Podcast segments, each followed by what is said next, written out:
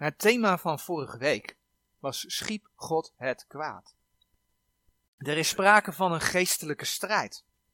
En ja, als gelovigen hebben we meer vijanden. Toch hebben we de afgelopen keer en ook vandaag met name bij die, of de vorige keer hebben we erbij stilgestaan, vandaag willen we erbij stilstaan, met name bij die geestelijke tegenstander, de duivel. 1 Petrus 5 vers 8, tekst hebben we de vorige keer ook gelezen, willen we nog een keer lezen. 1 Petrus 5 vers 8. Zijt nuchter en waakt, want uw tegenpartij, de duivel, gaat om als een briesende leeuw, zoekende wie hij zou mogen verslinden. Vorige keer zagen we dat die duivel, dat die Satan, dat hij goed geschapen was. Door de Heere God. De Bijbel zegt dat zijn wegen volkomen waren. Net als de mens was hij met een vrije wil geschapen. En met die vrije wil kunnen zowel mensen als geestelijke wezens een keus maken. Een keus maken om de Heere te dienen. Ja, of niet. Of niet de Heere dienen. De duivel die wilde op een gegeven moment zichzelf verhogen. Hij wilde zich verheffen tot God, boven God. Daardoor is hij gevallen.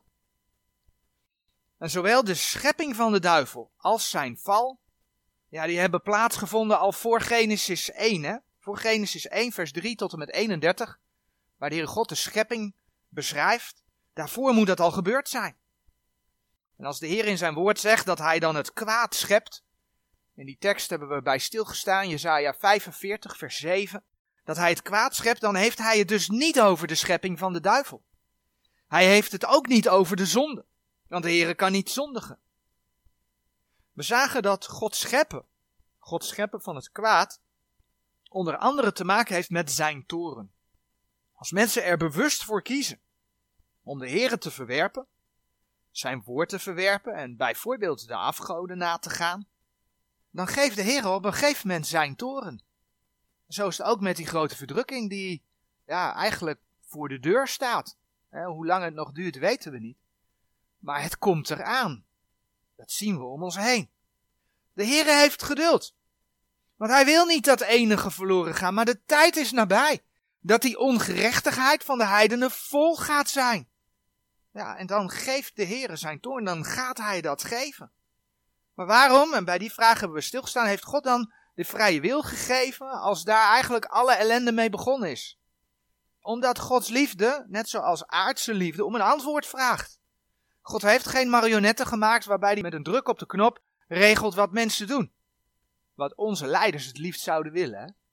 Vanuit het torentje in Den Haag, druk op de knop en mensen springen in de houding. Maar God heeft het zo niet gewild. Nee, de Heere maakte mensen en geestelijke wezens met een vrije wil, die de Heere uit vrije wil mogen dienen.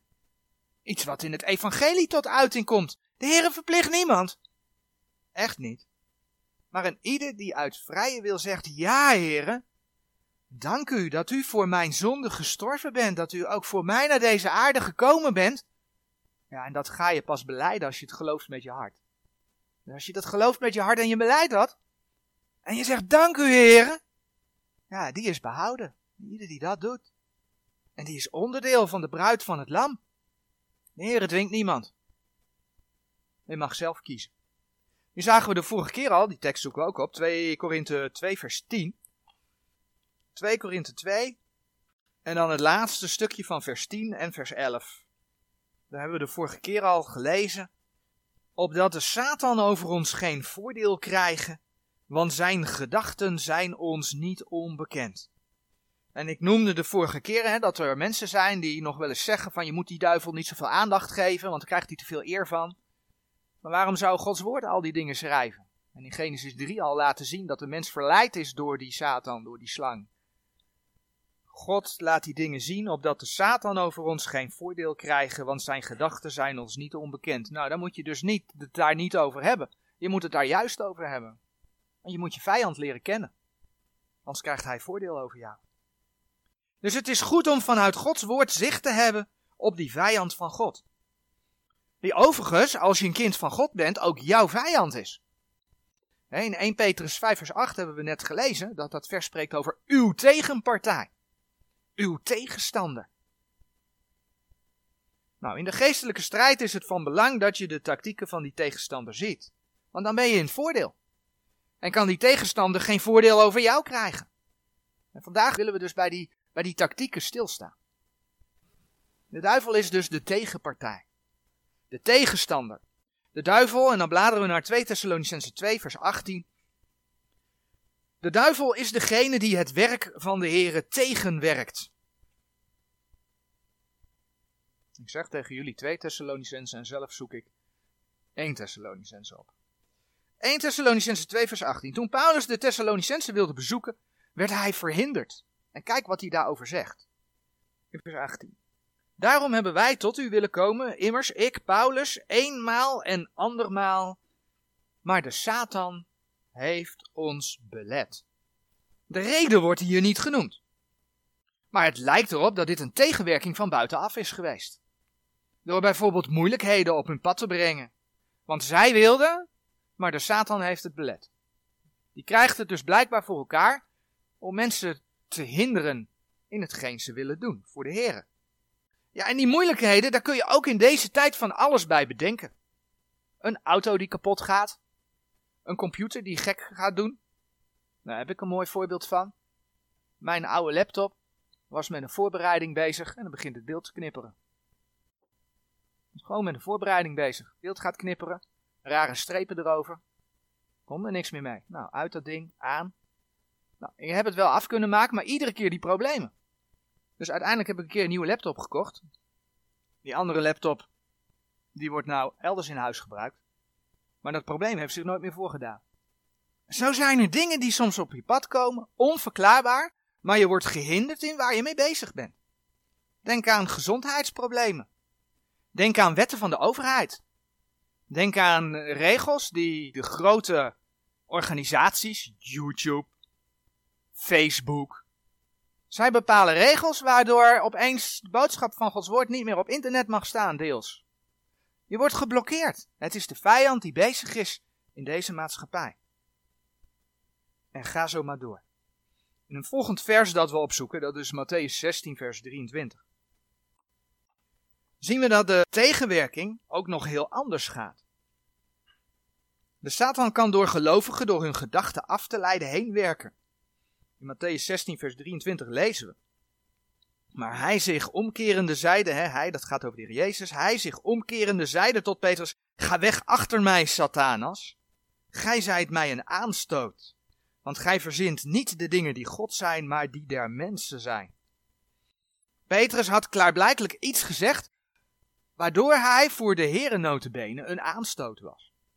En de context van dit vers is de heer Jezus, vers 21, die zijn discipelen vertelde dat hij moest lijden, dat hij moest sterven en dat hij ten derde dagen opgewekt zou worden.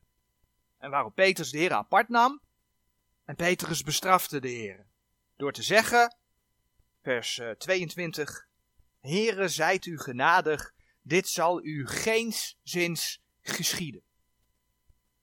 En op die uitspraak reageerde de Heer Jezus dus met wat we gelezen hebben in Matthäus 16, vers 23. Maar hij zich omkerende zeide tot Petrus, ga weg achter mij, Satanas. Gij zijt mij een aanstoot, want gij verzint niet de dingen die God zijn, maar die der mensen zijn. Petrus was al als discipel al een tijdje bij de Heer Jezus, dus je zou eigenlijk denken dat hij beter moest weten. Petrus had notabene meegemaakt, en dan bladeren we naar Johannes, Johannes 6. Petrus had meegemaakt dat de Heer Jezus duizenden voedde. Met vijf broden en twee vissen. Johannes 6, vers 9 heeft het daarover. Petrus had meegemaakt dat de Heer Jezus een dag later, en dat het een dag later was, lees je in Johannes 6, vers 22, dat hij gesproken had over het brood des levens. Uh, Johannes 6, vers 48. Ik ben het brood des levens. En de Heer Jezus legt dat daar verder uit. En wat gebeurt er? Er gebeurt dat de mensen zeggen: deze reden is hard. En de meesten verlieten hem. Johannes 6, vers 66. Ja, Johannes 6, vers 66. En daar staat in dat vers. Van toen af gingen vele zijner discipelen terug en wandelden niet meer met hem. 666. Dat is geen toeval. Dat is ons God die zijn woord stuurt. In de context vertelde de Heer Jezus in Johannes 6, vers 63. De geest is het die levend maakt, het vlees is niet nut, de woorden die ik tot u spreek zijn geest en zijn leven.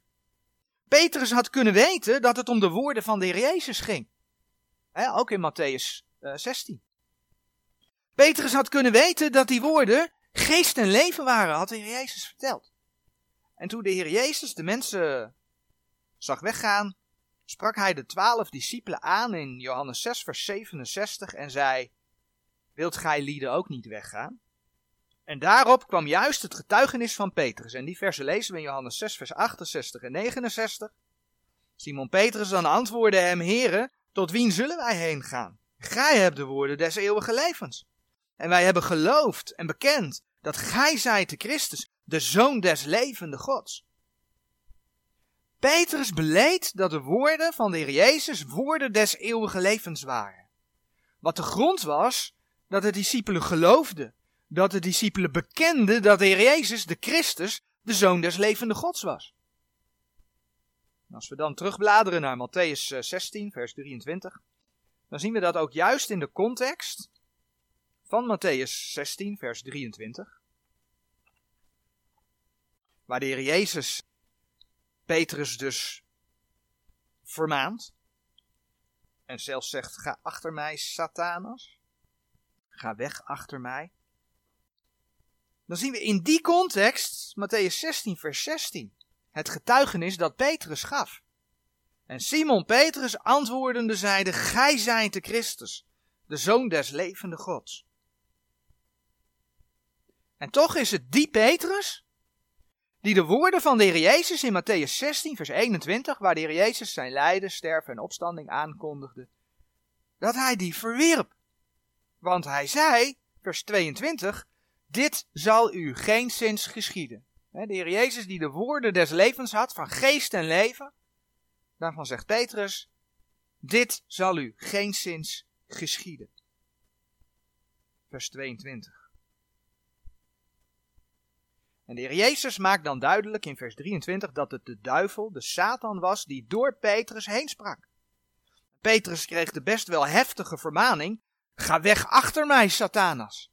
En daarop aanvullend, want gij verzint niet de dingen die God zijn, maar die der mensen zijn. Nou ja, het was goed bedoeld van Petrus, want hij wilde niet dat zijn meester zou sterven. Maar het waren wel zijn eigen gedachten en niet Gods gedachten. Dat waren de dingen der mensen en niet de dingen die God zijn. En omdat hij zijn eigen gedachten volgde, liet hij zich op dat moment leiden door de duivel. Dat is wat de Heer Jezus duidelijk maakt. De duivel, de Satan, de tegenpartij die Gods woorden tegenstaat. Maar er blijkt nog iets uit die geschiedenis. Petrus was een van de twaalf. Hij was een discipel die heel dicht bij de Heer Jezus stond. En als het om beste vrienden gaat, als we gewoon naar onszelf kijken, dan zijn wij mensen vaak minder op onze hoede. Want bij je beste vrienden voel je je geborgen. Maar je ziet in deze geschiedenis wat er gebeurt. Door een van de twaalfen, een van de discipelen die dicht bij hem stonden, probeerde de duivel de woorden van de Heer Jezus tegen te spreken.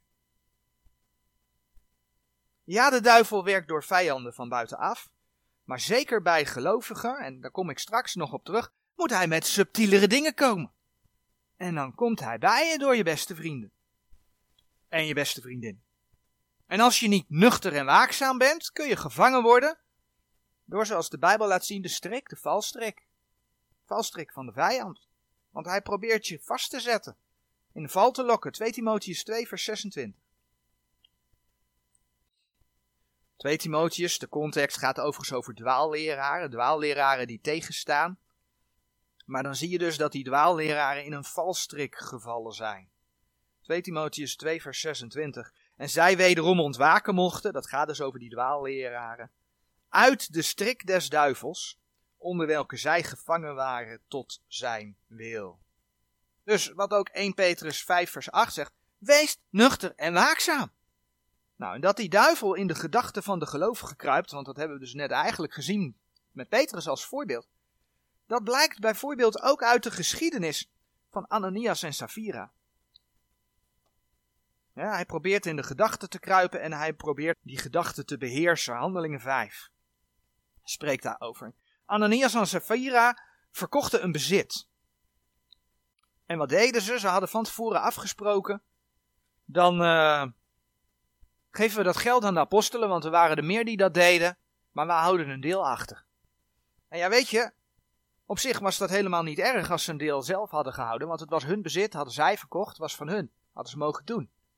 Maar als je de context dan leest, blijkt daaruit dat ze het geld naar de apostelen hadden gebracht.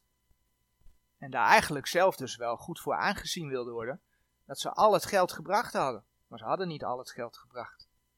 En dat was de leugen die ze, die ze samen hadden afgesproken. Handelingen 5, vers 3 en 4 blijkt dat uit. Zowel Ananias als Safira stierven in die dagen vanwege hun leugenachtige handelen. En kijk wat Petrus tegen Ananias zei in Handelingen 5, vers 3. En Petrus zeide, Ananias, waarom heeft de Satan uw hart vervuld? Nou, het gaat hier over gelovigen die in de gemeente waren. Waarom heeft de Satan uw hart vervuld? Dat gij de Heilige Geest liegen zoudt en onttrekken van de prijs des lands.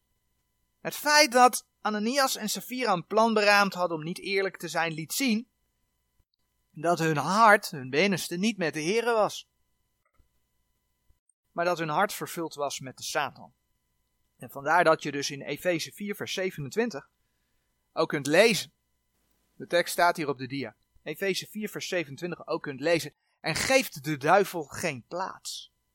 Wordt tegen de gemeente gezegd: geeft de duivel geen plaats. En dat Efeze 5, vers 18 zegt: ik heb het uh, vanmorgen al heel even genoemd.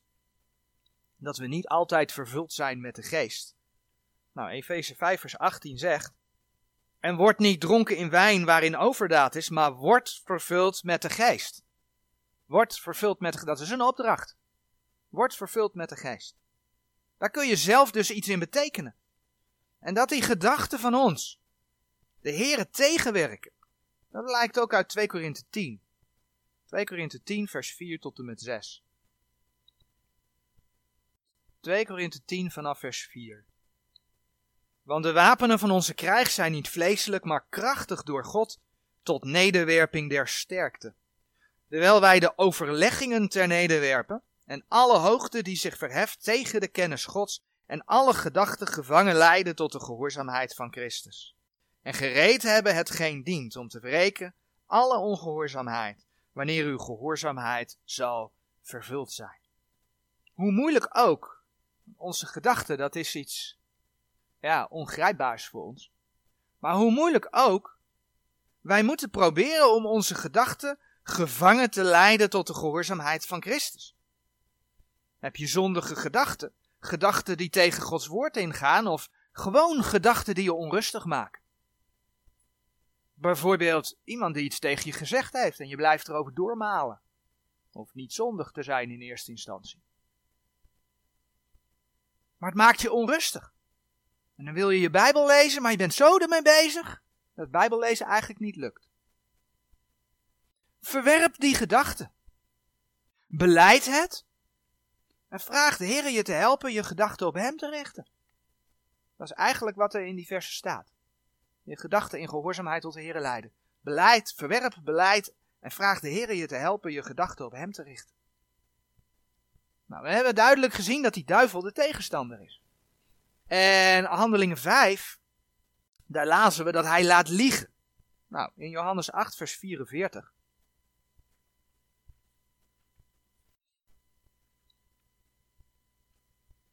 Wordt hij dan ook wel een leugenaar? of de vader derzelfde leugen genoemd. Johannes 8, vers 44. Gij zijt uit de vader de duivel, zegt de Heer Jezus. Daar, en wilt de begeerte uws vaders doen, die was een mensenmoorder van den beginnen, en is in de waarheid niet staande gebleven, want geen waarheid is in hem.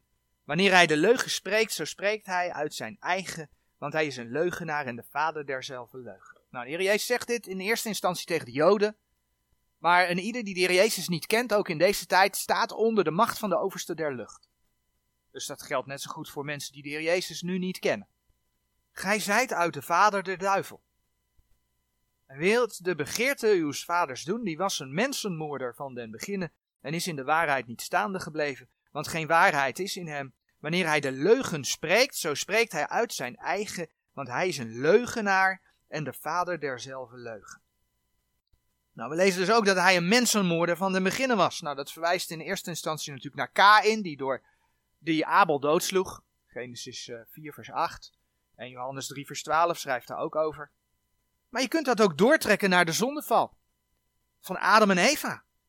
Waar de duivel het voor elkaar kreeg om de mens tot zonde te verleiden. En God had gezegd, als je van die ene boom eet, dan zul je de dood sterven. Genesis 3, vers 1, vers 14, vers 15, vers 22 tot en met 24. Het lukte de duivel om de mens, zeg maar, bij God weg te halen. In Romeinen 6, vers 23. Daar staat, want de bezoldiging der zonde, het loon van de zonde, is de dood. Maar de genadegift Gods is het eeuwige leven door Jezus Christus, onze Heer. En we weten dat de Heer nog steeds geduldig is, dat Hij wacht. Hij wil niet dat enige verloren gaan, 2 Petrus 3 vers 9. Het tegenovergestelde is bij de vijand van God zo. De duivel, die wil dat mensen wel verloren gaan. En dat doet hij door mensen te verblinden. 2 Korinthe 4 vers 4. 2 Korinthe 4 vers 4. In de welke de God deze eeuw de zinnen verblind heeft, namelijk der ongelovigen, opdat hen niet bestralen de verlichting van het evangelie der heerlijkheid van Christus, die het beeld Gods is. In de welke de God deze eeuw de zinnen verblind heeft. Hij verblindt mensen. Ja, en dat doet hij door mensen bezig te houden. Lekker eten, muziek erbij. Versen waar we wel eens bij stil hebben gestaan is Jezaja 5 vers 11 en 12. En niet dat je niet mag eten. Niet dat je geen muziek mag luisteren. Maar mensen worden zo bezig gehouden dat ze niet aan God denken. Niet denken aan wat hij gedaan heeft. Jezaja 5 vers 11 en 12. Wee degene die zich vroeg opmakende in de morgenstond sterke drank najagen en vertoeven tot in de schemering, totdat de wijn hen heeft verhit en harpen en luiten, trommels en pijpen en wijn zijn hun maaltijden. Maar zij aanschouwen het werk des Heren niet en zij zien niet op het maaksel zijner handen. Dat is wat de, wat de vijand aanjaagt. Ja, en daar hoort bij dat als ze dan het woord van God horen, als dat woord van God gezaaid wordt, dat hij dat woord van God probeert weg te halen. Want hij is niet alleen een leugenaar, maar hij is ook een dief. In de gelijkenis van de zaaier in Marcus 4, vers 15. Daar lezen we. Marcus 4, vers 15. En deze zijn die bij de weg bezaaid worden, waarin het woord gezaaid wordt. En als zij het gehoord hebben, zo komt de Satan terstond en neemt het woord weg, het welk in hun hart gezaaid was. We kennen denk ik die gelijkenis wel, dat de zaaier het zaad zaait en een deel valt langs de weg. En dan komen de vogelen des hemels die dat zaad wegpikken. En de Heere zegt in Matthäus dat dat de boze is. Nou, hier wordt heel duidelijk gezegd dat de Satan komt en die neemt het weg. Ja, dat kan door gedachten. Dat kan door vooroordelen. Dat mensen dus door de gedachten die ze hebben, door de vooroordelen die ze hebben, dat wordt gewoon naar zich neerleggen. Ik bedoel, als we in het centrum staan, dan hoor je mensen soms dingen zeggen. Zeker ook als het jongeren in een groep zijn. Dan is het samen lachen tegen. Dus het zijn vooroordelen. En men legt het gewoon naast zich neer. Maar dat kan ook door iets te laten gebeuren. Waardoor mensen, hè, nadat ze het woord van God gehoord hebben, zo in beslag genomen worden. Ja, daar denken ze niet meer over na. Ze zijn zo bezig met wat hun in beslag heeft genomen. Hij verblindt, hij houdt ze bezig, hij houdt het woord van God bij ze weg. Hij haalt het woord van God bij ze weg. En dat is met name de tactiek die hij heeft bij de ongelovigen. Zodat dat woord maar niet in ze komt of wortel zou vatten. Als gelovige krijg je ook met die vijand van God te maken. En we zagen al het voorbeeld dat de duivel het werk van de Heer van buitenaf dwars zit. 1 Thessalonicense 2 vers 18. We hebben het al over de gedachten gehad. Soms, en dat vind je in Lucas 22, vers 31, word je als gelovige ook door elkaar geschud.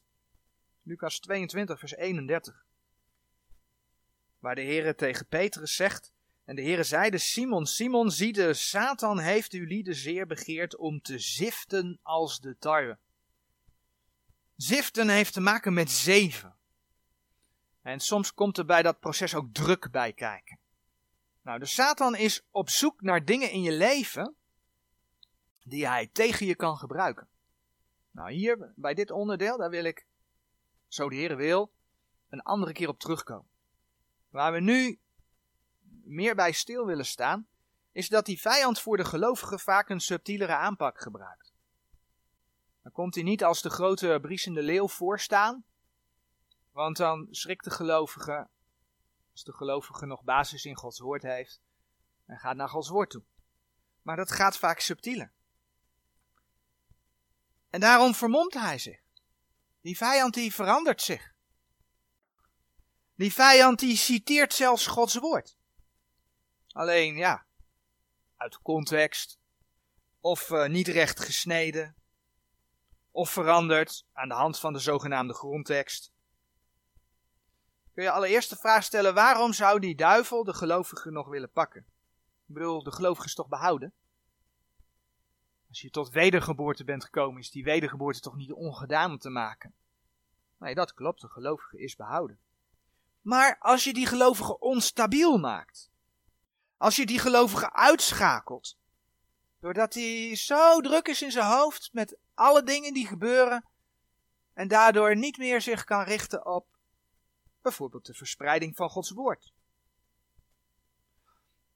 Of het lukt hem om met een bepaalde leerder te komen, waardoor er een andere boodschap verspreid wordt, die uiteindelijk mensen niet tot wedergeboorte aanzet.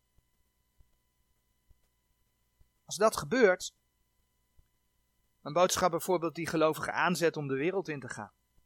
Bij God weg de wereld in. Weet je, dan zal de gelovige in de eeuwigheid schade lijden. Ja, je bent behouden. Maar je komt wel voor de rechterstoel van Christus. En 1 Korinthe 3 vers 15 laat zien dat als jouw werken niet blijven staan voor de, voor de rechterstoel van Christus, dat je schade zult lijden. 1 Korinthe 3 vers 15.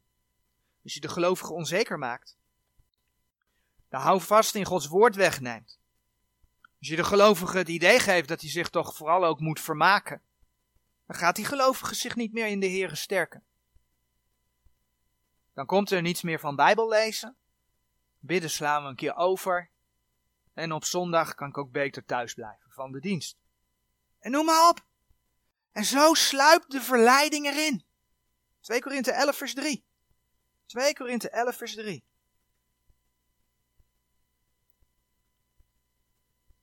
Doch ik vrees dat niet enigszins gelijk de slang Eva door haar arglistigheid bedrogen heeft. Alzo uw zinnen bedorven worden om af te wijken van de eenvoudigheid die in Christus is. Wow. Je zinnen kunnen dus bedorven worden. Je zinnen, dat heeft met je geest te maken. Bedorven worden om af te wijken van de eenvoudigheid die in Christus is. Daar is die duivel op uit. En zoals gezegd, bij de gelovigen gaat hij zich vaak ook vermommen. En dat kan natuurlijk in verschillende gradaties kan dat. Hij kan zichzelf veranderen. Hè? In 1 Korinthe, 2 Korinthe 11 vers 13 en 15 wordt gesproken over valse apostelen, wordt gesproken over bedrieglijke arbeiders. En dat die zich veranderen in apostelen van Christus. En dan zegt 2 Korinthe 11 vers 14 dat je daar dus ook niet raar van op moet kijken, want 2 Korinthe 11 vers 14 en het is geen wonder, want de Satan zelf verandert zich in een engel des lichts. Satan kan zich dus voordoen als iemand van de Here, net als zijn medearbeiders. En dan lijkt het nog net echt ook. Nou, is dat vreemd? Nee, want die duivel wil mensen verleiden.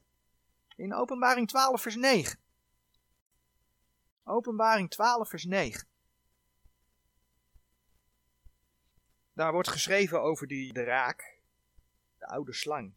En de grote draak is geworpen, namelijk de oude slang, welke genaamd wordt duivel en Satanas, die de gehele wereld verleidt. Hij is, zeg ik, geworpen op de aarde en zijn engelen zijn met hem geworpen. Het gaat maar even over dat, omdat hier staat, die de gehele wereld verleidt. dus hier staat weliswaar de gehele wereld. Als kinderen van God zijn we geen onderdeel van de wereld. Je kunt wel de wereld weer ingaan, maar je bent door de Heer uit de wereld getrokken. Maar om de redenen die we zojuist genoemd hebben, probeert hij ook gelovigen te verleiden. En ze te laten afwijken, hebben we net gelezen, van de eenvoudigheid die in Christus is.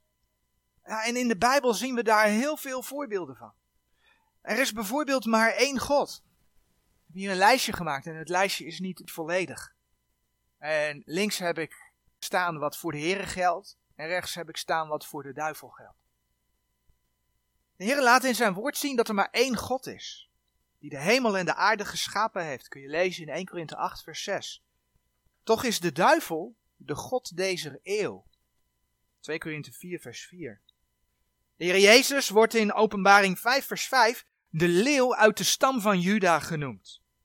Maar ook de duivel wordt een leeuw genoemd. De een is een leeuw, de ander is een leeuw. De duivel is de briesende leeuw. 1 Petrus 5 vers 8. De Heer Jezus is het licht der wereld. Johannes 8 vers 12. Maar de duivel, hebben we net gelezen, kan zich veranderen in een engel des lichts. 2 Korinthe 11 vers 14. De Heer Jezus wordt in de schrift vergeleken met een slang die verhoogd moest worden. Johannes 3 vers 14, Galaten 3 vers 13. De duivel wordt de slang genoemd. Openbaring 12 vers 9. De Heer Jezus is de morgenster. Openbaring 22 vers 16. De duivel wordt ook Lucifer of morgenster genoemd. Jesaja 14 vers 12. De Heer Jezus is de overste of de vorst. Handelingen 5 vers 31, openbaring 1 vers 5. Maar de duivel wordt de overste van deze wereld genoemd, of de overste van de macht der lucht. Johannes 14 vers 30, Efeze 2 vers 2. En dan komt hij. De Heer Jezus is de gezalfde. Hij is de Messias. Hij is de Christus. Handelingen 4 vers 26 spreekt daarover. Handelingen 17 vers 3 spreekt daarover. Maar de vorige keer zagen we in Ezekiel 28 vers 14 dat de duivel een gezalfde, gezalfde overdekkende gerub genoemd wordt. De duivel is ook een gezalfde. Hij is ook een Messias. Een valse Messias. Want er is er maar één. En dat is de Heer Jezus Christus. Die de Christus des Heren is. De gezalfde des Heren. En de Christus des Heren als titel, zeg maar, kom je tegen in Lucas 2, vers 26. Maar zien we hoe die duivel de grote naaper van de Heer is? Hij vermomt zich, hij verbergt zich. En dat allemaal om mensen te misleiden, te verleiden en hen in zijn valstrikken te vangen. Ja, en dan kent hij ook Gods woord nog. En hij citeert Gods woord. Toen de Heer Jezus in de woestijn door de duivel verzocht werd lezen we dat hij daarbij Gods woord citeerde. Zo zei de duivel tegen de Jezus in, in Matthäus 4, vers 6. Matthäus 4, vers 6. Bij de verzoeking in de woestijn zegt die duivel tot de Heer Jezus en zeide tot hem: Indien gij Gods zoon zijt, werp uzelf er nederwaarts, want er is geschreven. Want er is geschreven dat hij zijn engelen van u bevelen zal en dat zij u op de handen zullen nemen, opdat gij niet de enige tijd uw voet aan een steen aanstak. De duivel is dus religieus. Hij citeert zelfs Gods woord. Nogmaals, ik heb het eerder genoemd, uit de context, niet recht gesneden of aangepast, allemaal om, om je dingen te gaan laten doen die de Heer niet wil. Een paar voorbeelden. De Rooms-Katholieke Kerk, die komt ook met de Bijbel. Althans, hun versie van de Bijbel, maar goed, ze komen ook met een vertaling. En ze komen ook met de naam van Jezus. Ze vertellen ook dat de Heer Jezus gekruisigd is. Maar ze vertellen je ook dat je al de sacramenten moet ondergaan om een kans te maken op behoud. Om een kans te maken dat je bij de Heer in de hemel komt. Dat Gods woord zegt dat het geloven van het volbrachte werk van de Heer Jezus met je hart en het beleiden met je mond je zalig maakt, je behouden maakt. Dat willen ze niet, dat verwerpen ze. Want ja, als je dat accepteert, heb je als kerkgenootschap geen macht over de mensen. Zo komt men binnen de charismatische beweging met Gods woord. En de gave van de geest. Dat is ook bijbels, de gave van de geest. Maar ze vertellen je er niet bij dat de tekengaven tot de merktekenen der apostelen behoren. En dat er in deze tijd geen apostelen meer zijn. Want dat woordje laatste in 1 Korinthe 4 vers 9 hebben ze in de nieuwe vertalingen weggehaald. De laatste apostel, of ze hebben het omgedraaid. Daar willen ze niet aan. Ze verwerpen Gods woord, want ze willen graag geloven, zodat het goed voelt. Dan kun je een een of andere sfeer creëren, Zodat mensen met een opgepept gevoel weer naar huis gaan. Dat is wat ze willen. En zo kun je vele voorbeelden meer geven, tot heel dicht bij huis. Laten we in Spreuken 18, vers 24 kijken.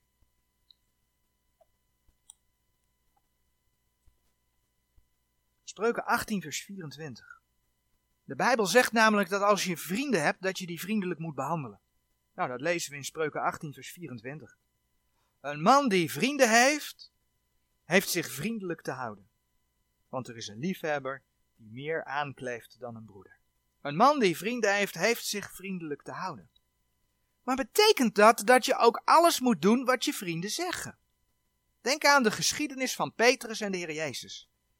De Heer Jezus bestrafte Petrus omdat hij tegen Gods woorden inging. Nou, vaak laten mensen zich leiden door wat vrienden zeggen.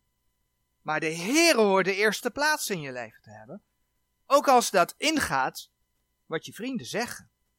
Ook als dat inhoudt dat je vrienden daardoor bijvoorbeeld je niet meer vriendelijk vinden. En zo zijn er natuurlijk veel meer voorbeelden te bedenken. Nou, vandaag hebben we met name bij de tactieken van die duivel stilgestaan. En het is goed om daarvan doordrongen te zijn.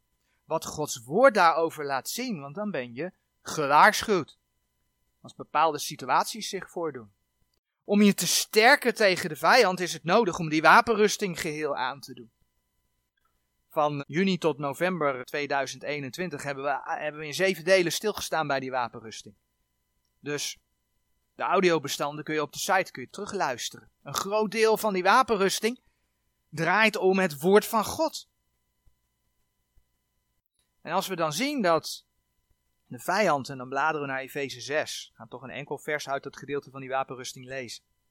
Als we zien dat die duivel ook het woord van God citeert, dan begrijpen we waarom het nodig is om zelf dat woord van God te lezen en ermee bezig te zijn. Het te bestuderen. We begrijpen dan dat het nodig is om nuchter en waakzaam te zijn, waar 1 Petrus 5 vers 8 over spreekt. We begrijpen waarom het nodig is om je middels gebed in de Here te sterken, wat David deed. Daar hebben we een paar diensten terug ook bij stilgestaan. 1 Samuel 30 vers 6 spreekt daarover. Dat David zich sterkte in de Here. Efeze 6 vers 13 zegt.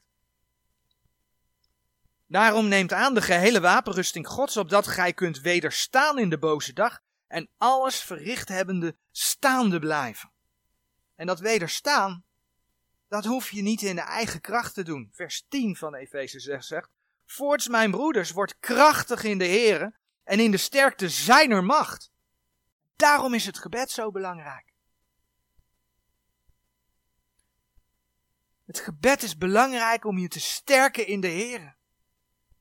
En je hebt als kind van God geen belofte dat je niet aangevallen wordt. Sterker nog, als kind van God zul je juist aangevallen worden, want die duivel is ook jouw tegenpartij.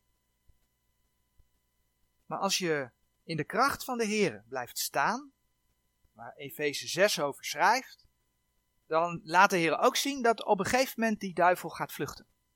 Als je de wapenrusting aan hebt, is het geen garantie dat er geen pijlen van de boze komen, want je hebt die wapenrusting juist nodig om die pijlen van de boze uit te blussen.